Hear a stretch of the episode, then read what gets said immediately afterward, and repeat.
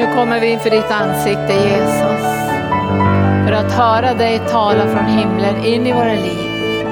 För du är det levande brödet som har kommit från himlen för att ge världen liv. Och nu ber jag dig helige Ande att du bryter brödet till syskonen idag. De som ser oss via nätet, de som ser oss från kanal 10. De som är här den här söndagsmorgonen. För du ser att det är olika behov i deras liv. Därför vet jag att du vet exakt vilket bröd de behöver för att de ska få liv och kraft och hälsa och få del av dina planer som är högre än människors planer. Och vi vet här och vi har hört idag att du sitter på Faderns högra sida och du ber för oss. Och därför ber vi heliga Ande att vi ska få del i de bönerna som himlen ber. Och vi vet ju att vi behöver Andens hjälp som manar gott för de heliga. Så vi ska kunna förstå vad Anden säger, kunna omsätta kärleken också till praktisk handling. Så vi kan leva ut ditt liv i den här världen och ut över världen. I alla de projekt som vi förvaltar och alla de människor som vi har gett löften och överlåtelse till över världen för att stå tillsammans med dem. Och därför vet jag att den här församlingen är ingen församling som kastas hit och dit av vindkast. Det är en församling som är stabil, som är grundad i dig Jesus och rotad i din kärlek. Och i den visdom och kunskap som finns hos dig. För du har sagt här att hos dig, hos Jesus finns kunskapens och visdomens alla skatter fördolda och gömda. Så kom heliga Ande och hjälp oss att stanna kvar i din närvaro, inte bara i mötena, men under hela dagen, var än vi är så utgår vi från din närvaro och vårt hjärta ska alltid vara kopplat till ditt hjärta. Så hjälp oss heliga Ande att bevara, beskydda det du har lagt i våra hjärtan men också i församlingens hjärta. I Jesu namn. Amen. Tack Jesus. Det känns bra va? Vi bara vill stå här och, och njuta men vi ser ju att vi har inte så lång tid kvar innan vår sändning är över. Men vi vill välkomna er absolut, och ni som är här absolut och alla ni som är med oss på nätet, kanal 10 och alla våra distansmedlemmar som vi egentligen inte vill kalla distansmedlemmar. För att när ni är kopplade till arken så är vi så närvarande i Herrens vision och Herrens drömmar så vi känner den här enheten och kärleken. Visst är det skönt att augusti snart är slut? Att nu får vi komma igång liksom med allt det här som Herren har lagt på våra hjärtan under det här. Jag tror det kommer att bli ett fantastiskt år faktiskt. Det kommer att bli ett fantastiskt år. Men en del av er har varit på semester och nu är de flesta tillbaka in att vi kan börja be för det som Gud vill göra under den här terminen eller under det här året och då går vi ju alltid vår sträcka i bön. Visst gör vi det? För vi ska gå i förutbestämda gärningar eller förut planerade eller förutgådda skulle man kunna säga av Jesus själv. Och jag tycker att den här sommaren har varit väldigt, väldigt härlig och jag får mycket respons från mirakelkonferensen att många har verkligen tyckt om den konferensen på grund av Guds närvaron. Att det var en, vi bad mycket och vi skulle få en, en röd tråd genom hela konferensen. Jag tror vi hade 25 möten eller något sånt där. Men allt gick som en, en enda ström av Guds kärlek och uppenbarelse från olika håll och Herren talade in i våra hjärtan. Och jag fick en sån nåd av Gud att kunna åka iväg och hyrde in mig ett gästhus. Jag trodde jag bara skulle få ett rum men jag fick ett helt hus. Det hade kunnat bo tio pers där.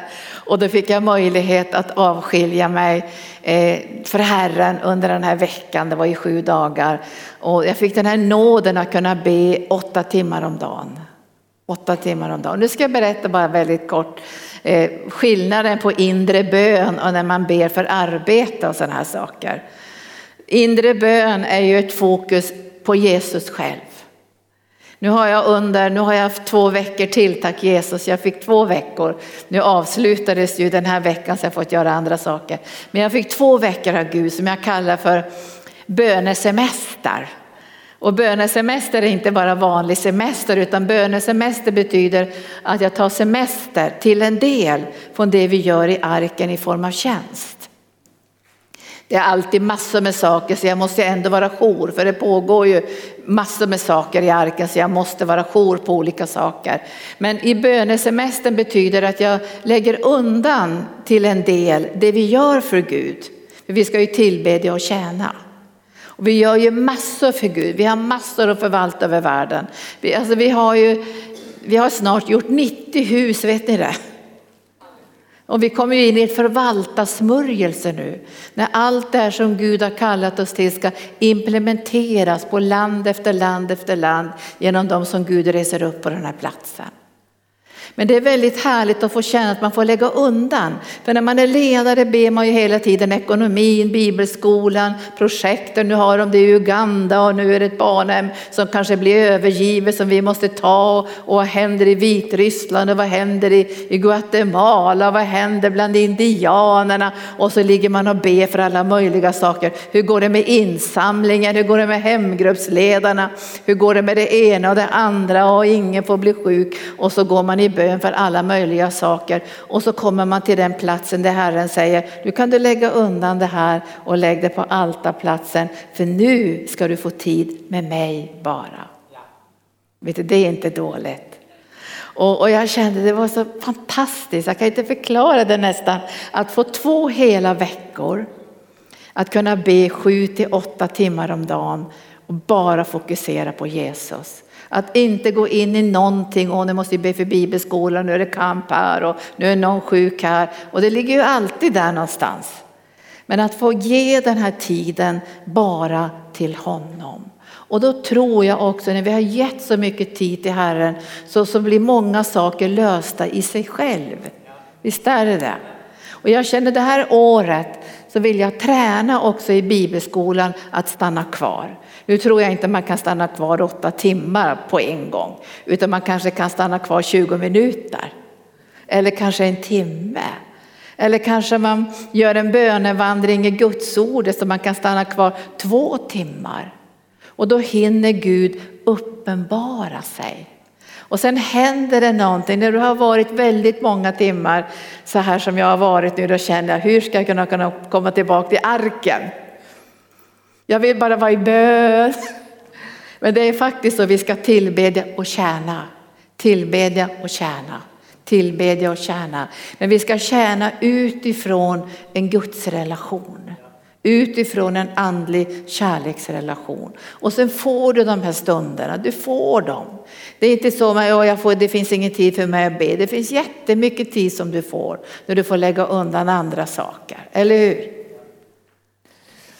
Så att när du väl kommer in i den här smörjelsen, och jag tror att det här året kommer vi att få uppleva ännu mera Guds närvaro. Ännu mera Guds härlighet, ännu mer mirakler. För jag känner i den här närvaron så föds det tro på mirakler. Och jag tror vi kommer att få se gigantiska mirakler. Alltså inte bara helande men genombrott på område efter område efter område. Därför när du lär känna Jesus och möter hans närvaro så är det ju också så att den kärleken du möter den driver undan all fruktan och all oro som vi hörde nu när du Oskar talade för kollektan. Så det känns som att det är ett tema idag, ett tema som kommer från himlen. Och jag tänkte jag skulle ge lite bibelord så jag ska inte gå ut så mycket i bön under den här predikostunden. Men sen ska vi gå ut, ut, ut också i, i flödet i den heliga ande och se vad Gud gör. För jag ser flera av er här, då känns det som att Guds ande redan är över er och ni börjar få en sån längtan. Jag vill stanna kvar. Och det som är så skönt det är genom de här åren har jag känt att kroppen krånglar inte. För mig var ju det problemet. Alltså att stanna kvar en timme gjorde att jag fick myror i hela kroppen. Men, men när kroppen börjar tränas och ligga på altarplatsen då blir det här mycket, mycket lättare.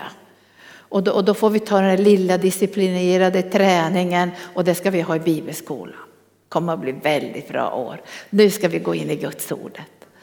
Och vi ska titta på två speciella ord idag för vi ska tala om att vara rotad, att ha rötter.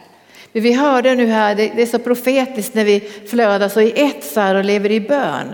Så ser vi ju att världen skakar. Och det här är ju inget konstigt för allting ska ju skaka. Och vi kommer också se att vi kommer att ha många så säga, barn som är ledare. Alltså det, det, tror inte jag på att barn ska vara ledare. Jag tror det behövs något mera kvaliteter för ledarskap. Men, men, vi ser liksom utöver världen, man tänker vilka dåraktiga beslut de gör och vilka steg de tar. Och det här är människor som har fått höga positioner eller tagit sig höga positioner på olika sätt. Och därför tror vi också på att vi kommer in i en tid när Gud kommer lägga excellens i ledarskap. Alltså excellens, trofasthet, rötter, tydlighet, ansvarstagande, förvaltarskap. Och det är någonting fantastiskt vackert för det påminner om Gud. Och många människor idag är inte rotade. Alltså det finns en falsk frihet, liksom, nu är jag fri, jag är fri från allting. Men det är en falsk frihet. Det är som en, jag är same så jag tänker ibland på de här stackars eh, renkalvarna som springer vilse. Det kan ju vara skönt att springa lite vilse på fjällen men efter ett tag så blir man uppäten av både varg och räv. Inte räv kanske men järv. För det är någonting som Gud måste göra för att stabilisera. För världens skull, förstår ni? För världens skull. För om allting skakar så måste det finnas en plats som inte skakar. Eller ett folk som inte skakar. Ett folk som känner sin Gud. Ett folk som litar på Gud. Ett folk som förtröstar på Gud. Ett folk som är trygga i sitt innersta. Och det här kan ju du och inte jag få till genom en massa övningar och så. Utan det här är ett verk av den heliga ande. För allt kommer att skaka. Men Guds rike och Guds ord kommer inte att skaka. Och därför behöver du och jag veta var är vi rotade. Och nu ska jag predika från Salta salmen och från Jeremia. Men det står ju i Nya Testamentet också i Kolosserbrevet 2, det behöver du inte slå upp. Så står det så här att vi ska vara rotade och grundade och befästa eller uppbyggda i Jesus. Och vi ska vara rotade och grundade i hans kärlek. Alltså vi ska ha rötter, djupa rötter i Jesus själv. Och det här handlar inte bara om en individuell kallelse. Därför Gud när han talar till oss i Bibeln så är det alltid en kollektiv kallelse. Du vet att vi lever i västvärlden där allting handlar om jag. Finns det något i mig, för mig i det här? Och jag och min frihet och jag och min kallelse och jag och mitt. Men för dig och mig handlar det om vad Jesus vill göra, vad han har i sitt hjärta, vad han har för drömmar. Och det gör att vi mognar och vi kommer inte kastas hit och dit av, av alla vindar och vågor utan vi kommer att befästas och rotas och grundas. Och det betyder att vi kommer att ha någonting att ge till människor som kommer att vara förtvivlade. Därför att du, du är ju lite profetisk som jag är så, så förstår ju vi att det kommer att komma en andlig torka. Alltså det kommer att bli torrtider i den här världen torrtider. Vi ser det redan nu, till exempel hur, hur floden Ren har knappt något vatten kvar. 10 centimeter på en del ställen. Vi ser hur fiskarna dör på grund av för lite vatten. Därför det blir syrebrist och sådana här saker. Men det här är bara profetiska ord som Gud redan har talat. Att det här kommer att komma. Men då måste du och jag veta att vi är ett, ett folk av ett annat slag planterade någon annanstans än i den här världen. Och det här måste Gud uppenbara för oss tillsammans så att det inte vi dras med strömmen i fruktan och oro. Därför det folk som är rotat på rätt ställe kommer att ha trygghet. Men inte bara för egen del, men för att kunna ge människor trygghet. För Bibeln säger att det kommer att komma en sån ångest över människor att de kommer att önska sig döden. Förstår ni? Då får inte Guds församling skaka och bäva och gå under. Det måste finnas en trygg plats för människor att kunna hitta hem. Och då säger Herren så här, nu, nu står det, jag tycker det är så härligt, han säger han talar om salighet och välsignelse. Att vara rotad är salighet och välsignelse. Salta salmen 1 så står det Salig är den som inte följer de gudlösas råd. Varför följer inte du och jag de gudlösas råd? Jo, därför har man inte kontakt med Gud. Alltså all kunskap och visdom är förankrad i Jesus. Inte följer vi de gudlösas råd och tittar efter vad säger de gudlösa nu om det ena och det andra. Vi följer inte de gudlösas råd. Varför det? Därför hans namn, vår konung och herres namn är rådgivaren. Hans namn är rådgivaren. Vi följer inte de gudlösas råd. Vi går inte in på syndarnas väg. Vi sitter inte bland föraktare. Vi går inte in på de gudlösas väg. Vilken väg går du och jag på? Vi går på en helig väg som är banad rakt genom ödemarken som inte har någon begränsning av omständigheter. Även om det är dalar här och höjder här finns det ingen begränsning. Därför är det en helig väg som är trampad av Jesus själv. Och därför går inte du och jag in på de gudlösas väg och frågar, vad går de gudlösa nu? Var går de som inte känner Jesus? Låt oss gå i deras fotspår. Vi går inte in på de gudlösas väg och vi sitter inte bland föraktare. Att sitta bland föraktare betyder att man börjar få sin hemvist bland människor som är gudlösa. Det handlar inte om evangelisation. Det handlar om att börja identifiera sig med, med människor som finns i den här världen som inte känner Jesus. Och då kommer vi att sitta och det står ju också att när vi börjar sitta och få del av saker som kommer via det gudlösa så kommer vi att förändras och vi kommer att få del av stress, vi får del av oro, vi får del av bekymmer och vi får del av fruktan. Vet ni att människor har mycket fruktan idag? Mycket ångest. Och de måste dricka för att få bort det här. Alltså när du och jag arbetar hårt så behöver vi inte gå ut och supa för att må bra. Vi kan dricka i den heliga ande och hämta ny kraft genom den heliga ande och ny smörjelse. För vi vandrar inte i de gudlösas råd. Vi sitter inte bland bespottare, står det i andra texter, eller bland de som föraktar. Och så kommer de här fantastiska orden. Utan vi har vår glädje i Herrens undervisning. Nu är det Salta salmen 1. Vi har vår glädje i Herrens undervisning och vi begrundar hans ord både dag och natt. Vi har vår glädje i Herrens undervisning. Och sen står det Jeremia 17 och 8, jag bara citerar det, så står det välsignad är den som litar på Herren, som har Herren till sin trygghet. Välsignad är den som litar på Herren och har Herren till sin trygghet. Hur, vad är det som utmärker de människorna som inte vandrar i de gudlösas råd? Och fråga vad tycker de gudlösa om det här? Jag ställer inte de frågorna längre. Vad tycker de gudlösa? Jag frågar vad säger Herren om det här?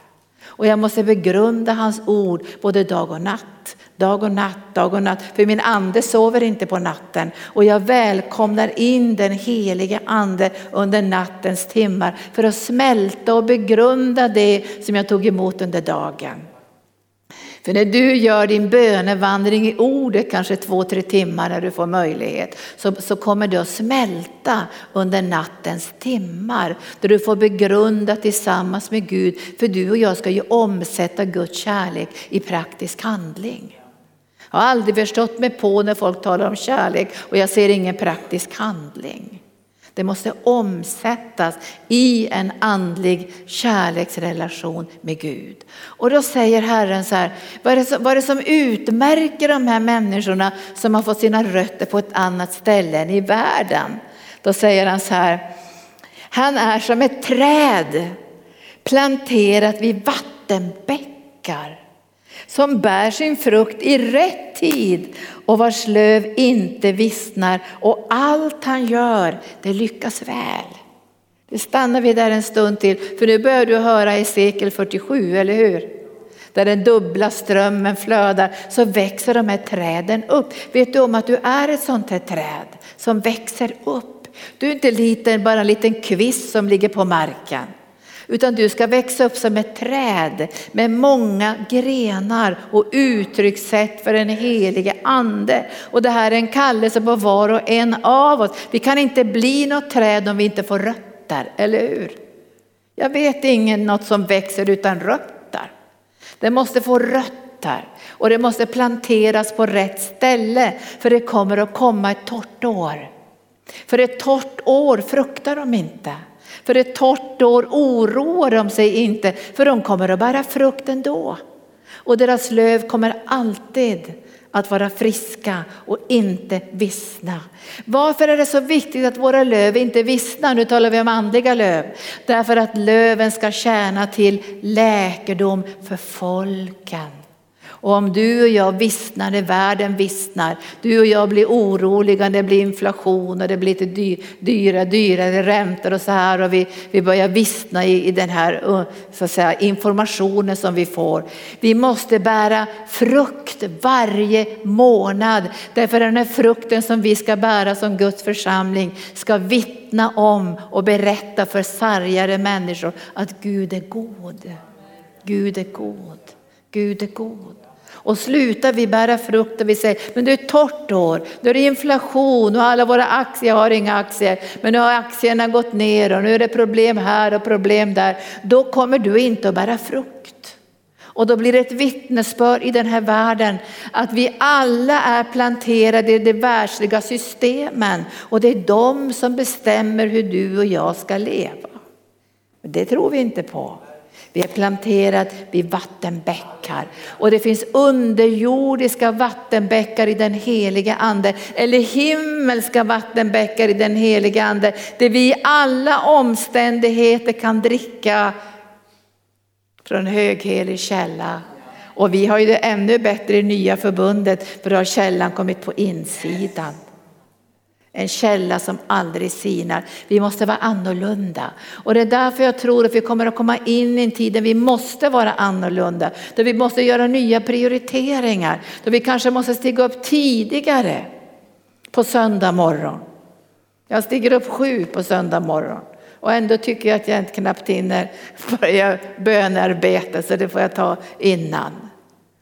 Därför att det är inte, kommer inte vara längre så oj nu kommer jag slarva till här lite grann och springa och se om det ska hända någonting. Vi kommer i en tid, förstår ni profetiskt, som inte bara handlar om oss. Det handlar om världen och de behov som finns i världen. De måste få se träd som bär frukt. Du vet när Jesus förbannar fikonträdet så är det inte, så är det inte synd om fikonträdet. Därför det var fikonträdets tid står det. I vissa översättningar, andra är liksom lite konstiga. Men det står det var, det var fikonträdets tid och Jesus gick fram för att titta om det fanns någon frukt. Och det fanns ingen frukt. Och då säger han, du ska aldrig mer bära frukt. Därför det var fullt med vackra löv men han hittade ingen frukt. Du och jag är fruktbärare. Och vi ska bära frukt varje månad. Det sinar inte och löven vissnar inte. Du kommer inte att komma in i en tid när du kommer att säga Ja men gode Gud, nu, nu har jag ingenting att ge någon längre och nu är folk så sjuka och jag kan inte ge någon handpåläggning längre. Dina löv kommer aldrig att vissna för den näring du har kommer från himlens Gud och därför kommer du alltid vara redo att be för människor, betjäna människor, flöda i den heliga ande. Därför du är inte beroende av det som sker i världen. Vi, vi, vi, vi vet ju vad som sker i världen.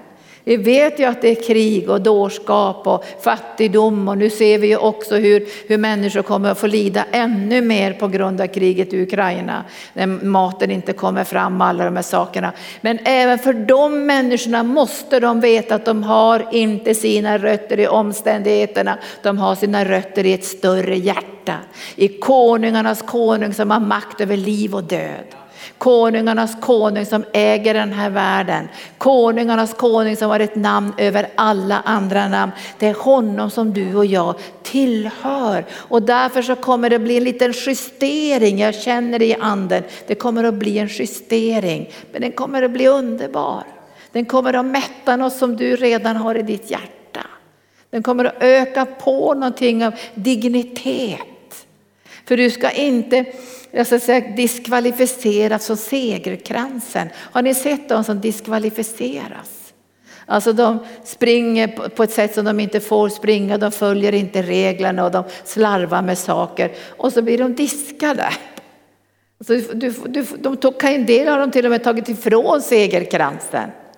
Därför de diskvalificeras i efterskott och så de säger att ja, men du var ju knarkpåverkad och du följde ju inte reglerna och så här och så diskvalificeras man. Men det ska inte du diskvalificeras. Och jag känner att du kommer att få en disciplin som kommer genom andens frukt. För det finns en andens frukt som heter återhållsamhet. Där du kan faktiskt säga att nu tänker jag prioritera på ett nytt sätt. Nu tänker jag prioritera Guds rike, Guds församling, inte bara för min egen skull utan för världens skull. Och det kan hända att vi går in i de första skakningarna nu ordentligt i världen. Och människor kommer att få så mycket fruktan. För det står, de kommer att stå rådlösa vid havet och vågornas dån. Du och jag kommer aldrig att stå rådlösa vid havet och vågornas dån. För han som bor i oss, vad heter han igen nu? Rådgivaren. Tack Jesus. Vi ska vara som träd planterade vid vattenbäckar och vi bär vår frukt i rätt tid. Det behövs rätt tid. Vissa tider måste frukten heta tålamod och mildhet. Förstår ni? Vi behöver bära frukt i rätt tid. Andra tider är det helande och upprättelse. Andra tider är det glädje. Vi bär frukt i rätt tid. Inte bara för vår egen del utan för andras del. Jag var nyligen på en begravning där en flicka jag har bett för jättelänge så dog hon. Jättevacker flicka i 40-årsåldern. Jag stod i tro för henne jättelänge under hela sommaren och så fick jag vara med på den här begravningen. Och då måste det vara någonting annat, då är det rätt tid för tröst, eller hur? Då måste du kunna bära en frukt som heter tröst.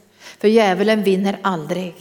Du får aldrig någonsin säga när någon dör, kanske för som vi tycker för tidigt. Så får du aldrig säga så här, djävulen vann. Djävulen kommer aldrig någonsin att vinna. Han är en förlorare.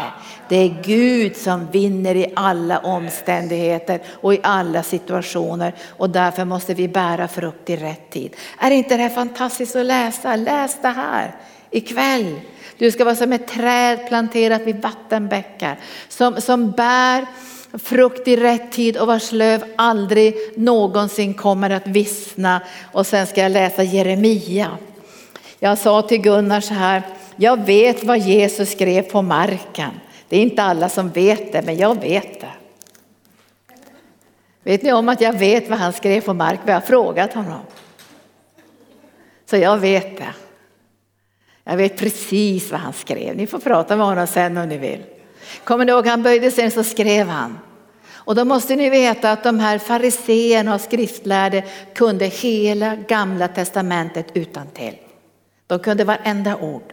Och när Jesus skrev så här, då visste de vad han skrev. Var, han skrev inte så de kunde se orden.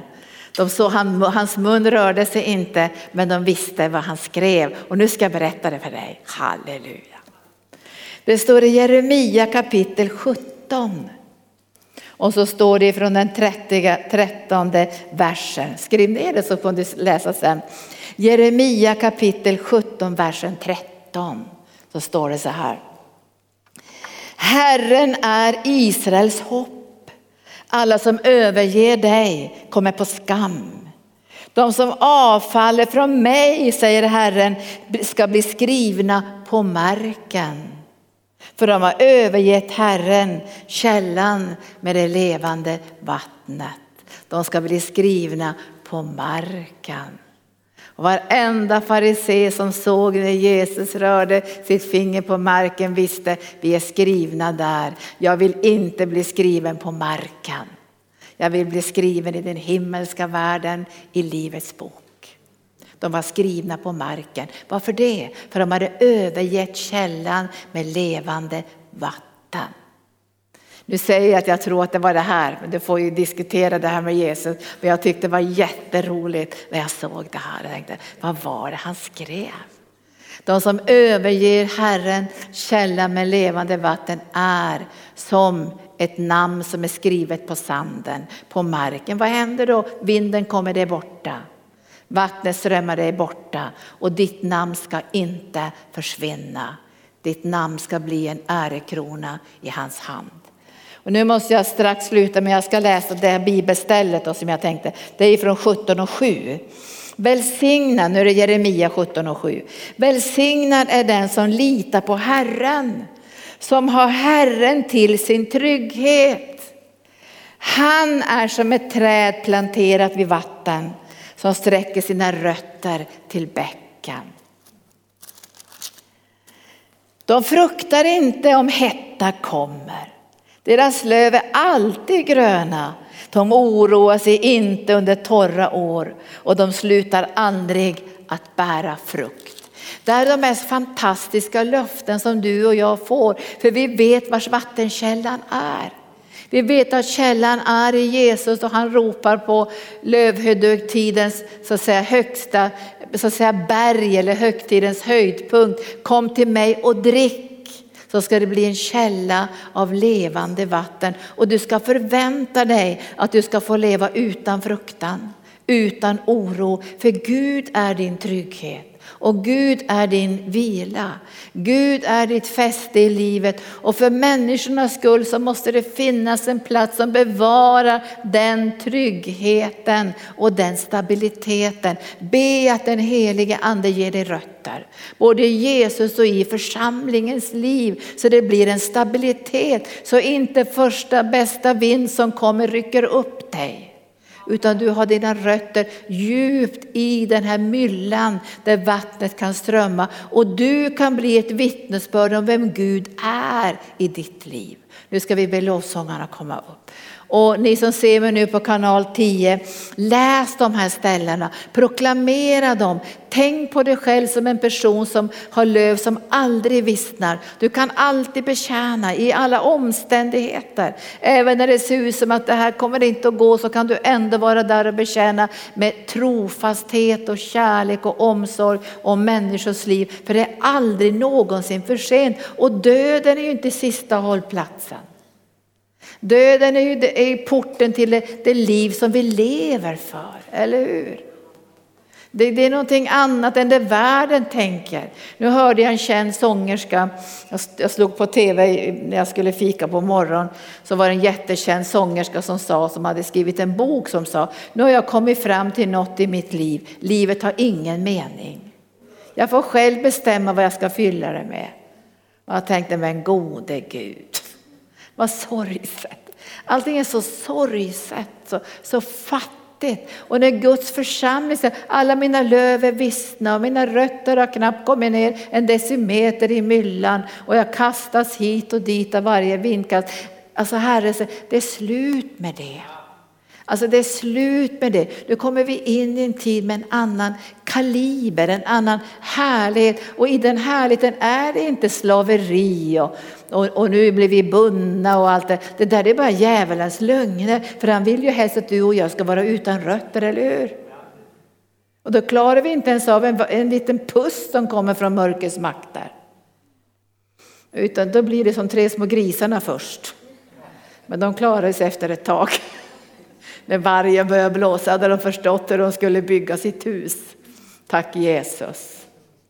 Så nu ska vi gå in i den här tacksägelsen. Det finns en källa i dig och en källa ibland oss där vi kan bara dricka, vi kan bara dricka. Och jag, jag har en, en, vad är det, klematis. Den har blivit galen i år. Den, är, alltså den har spridit sig. Alltså jag tänker, men hur kan en klematis, den, har, den, den liksom har gått på marken, bland gräset. Och då tänkte jag så här, nu har jag kommit på varför den kan växa så här hysteriskt stor. Det måste vara en läcka till swimmingpoolen. det måste vara en läcka. Det måste, för vi får igen fylla på denna swimmingpool. Och jag tänkte, det är precis under den här, den här hysteriska växten. Alltså om ni kommer till oss och tittar och tänker, det här går inte, man kan inte växa så här.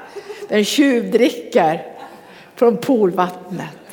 Men du och jag behöver inte tjuvdricka. Vi kan dricka med frimodighet, med kärlek, överlåtelse och trygghet från en källa som aldrig någonsin ska sina.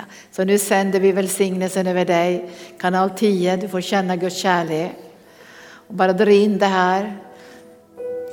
Var inte det minsta orolig för det som händer i världen. Vi ska inte gå in i den oron och det här läsandet av skräckberättelser utan vi ska fokusera på himlen. Vad himlen beskriver för vilka vi är i Guds kärlek. Och så ska du inte bara tänka jag och mitt och jag och mitt, utan tänka för världens skull. För världens skull. Och jag tror vi har en sång om det, för den här världens skull. Tack Jesus.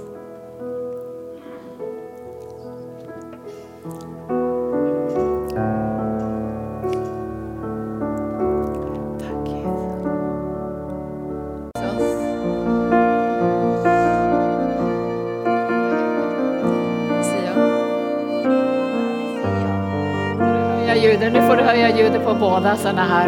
Det här är Sion. Visst är det ett vackert namn? Sion. Varför gav mamma dig det här namnet? Sa hon någonting? Det var inte mamma, det var Gud som gav mig det. Var, ja, men det var mamma som har det från Gud kanske va? Ja, alltså det var min pappa som pappa. bad och så sa pappa att eh, jag ska heta Sion. Det var hennes pappa som bad och så hörde han det här namnet Sion. Det har faktiskt betydelse lite grann vad det finns för innehåll i namnet. Och nu kommer Sion att gå på årskurs tre det här året. Det här året. Och när man går på årskurs tre så finns det också ett uppdrag att hjälpa människor att få rötter. Vet ni att vi lever i en tid där människor är rotlösa? Att de är också andligt fader och moderlösa, rotlösa. Och det är väldigt, väldigt, väldigt farligt. Det kan kännas skönt en stund men det är väldigt, väldigt farligt. Därför vi kommer att få ännu starkare stormar över världen och också in mot Kristi kropp, in mot de troende. Och djävulen försöker, det står att han ska försöka undanröja dem som står honom i vägen för att han ska kunna träda fram med sina lögner och profetiska ord och falska under. Och då kommer vi att märka liksom att det kommer att slå också mot de troende. Och vi ska hjälpa varandra i den här striden. Och det kommer du få göra Sion, du kommer få vara med att hjälpa människor att få djupa rötter. Inte bara luftrötter. Har ni sett sådana här äh, blommor som har luftrötter? Vad heter de? Är det orkidéer mest va? Massor med luftrötter. Och jag tror det kan vara bra att ha några luftrötter men inte helt och hållet bara lufträtt i luften utan vi måste få ner rötterna. Så nu får du stå här som en profetisk bild för oss andra så ska vi be för Sion. För alla de som kommer att gå på årskurs tre och få vara med och bygga starkt kan bara vända dig mot mig. Oskar, du kan vara med och be. Nu kommer Sion att få en väldig smörjelse och nu står du också, nu står vi här liksom profetiskt tillsammans för rötterna, för de starka djupa rötterna som ska föra till ledarskap och stabilitet och, och härlighet i den yttersta tiden. Och Sion kommer att vara en sån ledare med den här stabiliteten, den här tryggheten så när människor kommer att komma till henne och kanske vilja bygga bo också i hennes grenar, på hennes grenar, så kan de vara trygga. De kan vara trygga. Ni vet ju fåglar bygger ju bo i olika träd och ibland så bara blåser de här borna iväg. Men det kommer inte att bli så för Sion, för Herren talar till henne profetiskt idag. Det kommer att bli stabilitet och styrka också för de människor som hon kommer att få möta under det här året. Kom nu heliga Ande och så flödar över Sion nu i namnet Jesus. Bara smörj henne och rusta henne nu för det som ska komma i hennes liv. För nu kommer du att få långa starka grenar säger Herrens ande. Sion, du kommer att få långa, starka grenar. De kommer inte att vara tunna. De kommer att vara starka. För de kommer att kunna bära. För de kommer att kunna bära, säger Herrens ande, tyngder som inte går att bära i det naturliga, i den naturliga kunskapen och styrkan. Men jag kommer att ge dig en styrka, säger Herrens ande, för att vara med och bära. De som inte orkar bära, de som inte klarar av att gå ens, du ska få vara med och styrka och välsigna. Så säger Herrens ande. Ta emot nu smörjelsen. Nu har du ett profetord. Tack Jesus, tack Jesus. Tack Jesus, tack Jesus, tack Jesus. Halleluja, tack Jesus. Nu drar jag iväg här till två killar här. Var kommer du ifrån? Jag eh, kommer från Örebro. Från Örebro? Ja. Du har varit här förut va? Ja precis, jag känner ja. Robin så jag har varit här. Du känner Robin ja. Och ni är i Stockholm nu och Ja, precis. Vi har precis varit i Polen på missionsresa, kommit hem. Ja, med uh, Awakening Europe? Mm, nej, nej, lite eget. Eh, och du heter? Ruben. Ruben. Kom också från Örebro. Också från Örebro.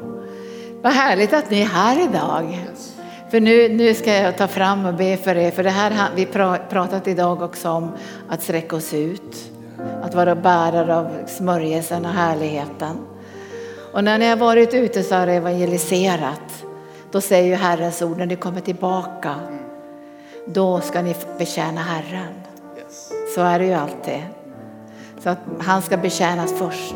Och när man har betjänat honom, då får man något som heter handledning. Som det står i Lukas 10, man får berätta för Herren vad ni har gjort. Ni har bett för folk, ni har betjänat, ni har kastat ut onda andar. Och när ni, när ni har det här samtalet med Jesus så kommer han att förklara saker, hur man ska få den här balansen mellan att namnet är skrivet i himlen och det som man gör för honom i den här världen. För nu ska ni bära någonting när ni kommer hem. Ni har församling i Örebro. Har ni församling i Örebro? Ja, ni har församling där. Ja, såklart pastor har ni där också. Och nu är ni så uppfyllda förstår jag, nu är ni så taggade va. Så ni kommer att hälla 20 liter vatten på var och en så de kommer att springa rakt ut i lokalen. Men Herren han säger till, han säger till er, han säger till er så här att ge lite i taget. Häll inte allt över dem utan häll lite i taget så att de orkar dricka. För nu har ni tränat, säger Herrens ande, att dricka väldigt stora mängder det himmelska vattnet. Men många människor som ni möter, så säger Herren till er, har inte övat sig att dricka ens en deciliter. Nej, nu kommer de få den här smaken och förväntan på Gud. Så nu får ni komma fram. Tack Jesus. Visst är Gud god? Mia kom fram du också. Halleluja, tack Jesus. De här killarna har varit i, i Polen och evangeliserat och nu är de taggade. Man kan se i anden hur ni har kastat ut onda andar och ni har lagt händerna på de sjuka. Man kan säga att ni har varit rätt saliga va? va? Det, det är nog sant det va? Och när ni kommer hem kommer ni vara översaliga. Ja. Det, det, här, det här, jag bara känner profetiskt så säger Gud att när man har fått göra sådana starka upplevelser, till exempel evangelisation, så vill man ju att alla ska bli helt vilda på det här. Och man vill ju också, som när jag har varit i den här djupa inre bönen så känner jag 50 minuter, vad är det för något? Det är ju bara bebisstegen, förstår ni? Och jag hörde Herren säga till de här killarna, många där i Örebro som de kommer att möta har bara druckit kanske tre deciliter vatten. Och de har inte klarat av att smälta mera. Och här behöver vi både visdom och förstånd och, och kärlek för att väcka den här längtan. För vi kommer att ha två sidor av det här.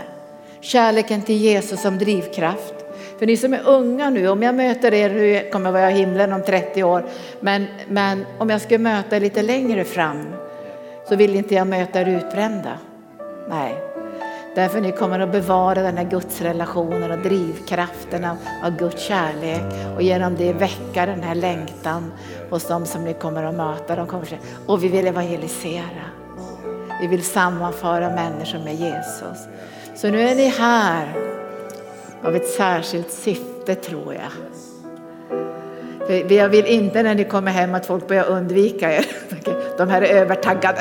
Yes, yes, yes, utan de ska känna, berätta mer, berätta mer, berätta mer. Vad har ni gjort och vad, vad har skett och så här. Och så kommer väcka den här längtan efter att få vara en kanal för Guds kärlek. Ska ni sträcka ut era händer? Ni, får, ni kan ställa er mot mig här. Tack Jesus. Killar ställ er mot mig. Så. Tack Jesus. Jag tror att det är någon som får komma fram här som har ett profetiskt budskap. Mia har någonting också. Abeba, du har profetiskt såklart för du har ju varit i elden nu länge. Så kom fram. Tack Jesus. Violetta, Jennifer. Tack Jesus. Åh, vi upphöjer dig och prisar dig. Åh, vi tackar dig för att du är kung av vårt hjärta. Du är kung av vårt hjärta. Och jag ber för de här killarna som har varit i Polen nu och tjänat dig i gatuevangelisationen. Smörjelsen kommer nu. Eprosi, eprosi, eprosi. Saka sakai, ando santoria, sebrostoria kasestria. Åh, oh, bara prisen, prisa dig Herre. Tack. Ja, bara si, karasi, masoria. Åh, oh, bara fyll honom. Bara gör, gör honom drucken nu helige Ande. Nu är det druckenhet. Nu är det... Åh, oh, nu kommer den heliga ande med druckenhet. Kom heliga ande, kom heliga ande, kom heliga ande. Åh, oh, vi bara prisar dig. Tack Jesus, tack Jesus, tack Jesus. Åh, oh, bara ligg under smörjelsen, ligg under smörjelsen, ligg under smörjelsen. Tack Jesus, tack Jesus. Halleluja. Kom fram nu Gabriel, du får inte sitta så där långt bak. Tack Jesus. Tack Jesus. Jag tror Gabriel att du idag har ett uppmuntrande profetiskt ord. Visst har du det? Jag vet inte, säger jag. Det är klart att du vet. Det kan vara bara tack Jesus om du vill. Tack Jesus. Va? Tack Jesus. Är det tack Jesus? Har du haft det bra? Ja, det har varit upp och ner. Upp och ner. Dalar och berg. Visst är det bra att det går en väg rakt igenom. Man behöver inte vänta på att bergen ska liksom sjunka eller dalarna ska höjas. Men annars har det varit en bra sommar. Nu ser du fram emot att komma på bibelskolan va? Ska ju vara i Guds gemenskapen och Guds smörjelsen. Säg någonting gott till de här syskonen idag. Vad som helst. Jesus, ska säga? Du ska bara... Jag älskar Jesus. Ja, men det räcker för oss. Det räcker för oss. Var med och be för den här killen behöver mera druckenhet här känner jag. Så nu får du Gabriel be, tack Jesus. Och bara fyllda med din underbara eld och smörjelse. För nu ska de tillbaka här till sina församlingar. Och människor kommer att tränas och dricka, inte bara en deciliter utan de kommer att kunna dricka så mycket. För längtan växer efter ditt vatten. Och de kommer att få rötter som kan dra upp det här vattnet. För de är inte avhuggna blommor som bara försöker dricka och sen går det någon vecka och så dör de. De har rötter djupt, djupt, djupt i ditt hjärta. Kom heliga Ande. Tack Jesus, tack Jesus, tack Jesus, tack Jesus. Du får be för, be för honom om du vill. Tack Jesus. Halleluja. Ingen fördömelse nu på någon av er, men visst känner man ibland att rötterna har blivit ytliga, de ligger väldigt på ytan.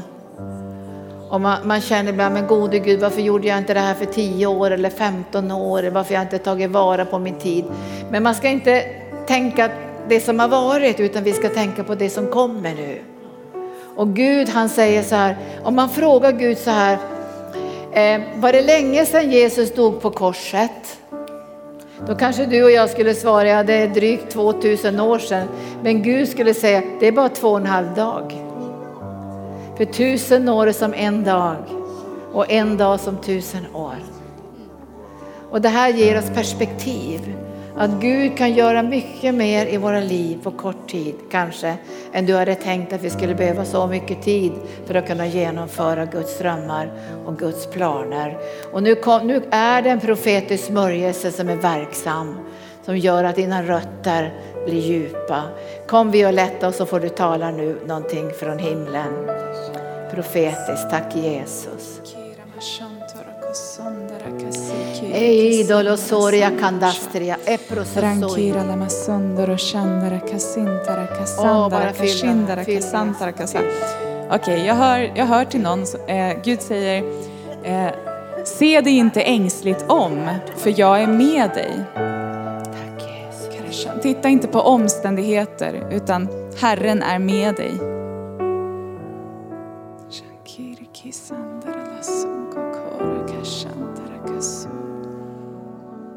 Kombara shinki kira masondora la shanti kira kasondora sondora kasondora. Ny kraft i sin kropp.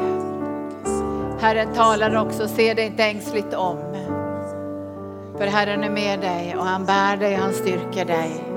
Tack Jesus. Anita ska du komma och be.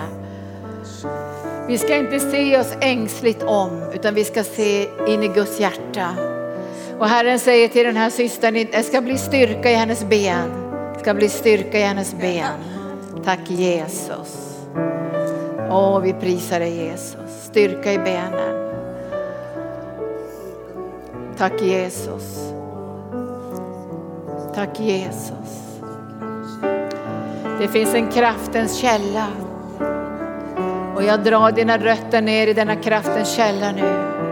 För även om vår fysiska styrka förminskas finns en andens styrka.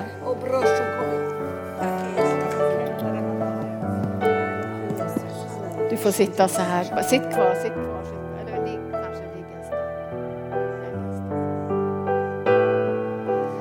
Är det någon av er som känner nu att krafterna har svikit och du känner att du, den naturliga styrkan inte räcker? Så ska vi få dina rötter ner i den här kraftens källa. För det kommer dagar då vår naturliga styrka inte kommer att räcka. Och det är inte dagar av mörker, för vad Herren säger att när en invärtes människa blir styrkt varje dag, även om din utvärtes människa så att säga, försvagas så kan din invärtes människa bära den utvärtes människan med kraften från den helige ande. Så är det. Då känner du nu att du skulle vilja ta emot ny kraft då, och känna att du behöver få tag på den här styrkan som finns på insidan. Tack Jesus. Tack Jesus. Åh, vi bara tackar dig Herre. Känn dig fri att komma fram. Känn dig fri att komma fram. Jag bara tackar dig Jesus för att du är med dem som sitter där hemma just nu. Och det finns flera av er som känner sig förlorade. Känslor av att du är förlorad, att du inte tillhör Herren. Herren bara säger till dig att han, han han lyfter av dig de här förlorade, liksom de här känslorna som, som, som bärs på djupa rötter på insidan, att du skulle vara förlorad. Han bara rycker upp de här rötterna just nu. Och han löser dig från den fångenskapen. Fångenskapen som har varit i din tanke, att du inte tillhör Gud. Men du hör hemma hos den levande guden i namnet Jesus. Och alla de hårda slag som har slagits emot dig. Det bara lyfter han av dig nu. Och han lägger av den här bördan som du bär på insidan. Han bara lägger, lägger den på sig själv. För han har burit den en gång för alla. Och du ska få ny kraft och ny styrka att leva. Leva det liv som Herren har ämnat för dig. För du är älskad, utvald och genomsyras av hans nåd och kärlek. Och där kommer liv och livsglädje på nytt inom dig. I Jesu namn. I Jesu namn. Amen. Prisar Jesus. Tack Jesus. Den invärtes människan, säger Herrens ande, reser sig upp nu. i förnyad styrka. För det är den invärtes människan som har rötterna in i Guds hjärta, in i den levande källan. Och därför kan också själen få dricka av det vattnet och kroppen kan förnyas och styrkas av det vatten som kommer ifrån himlen.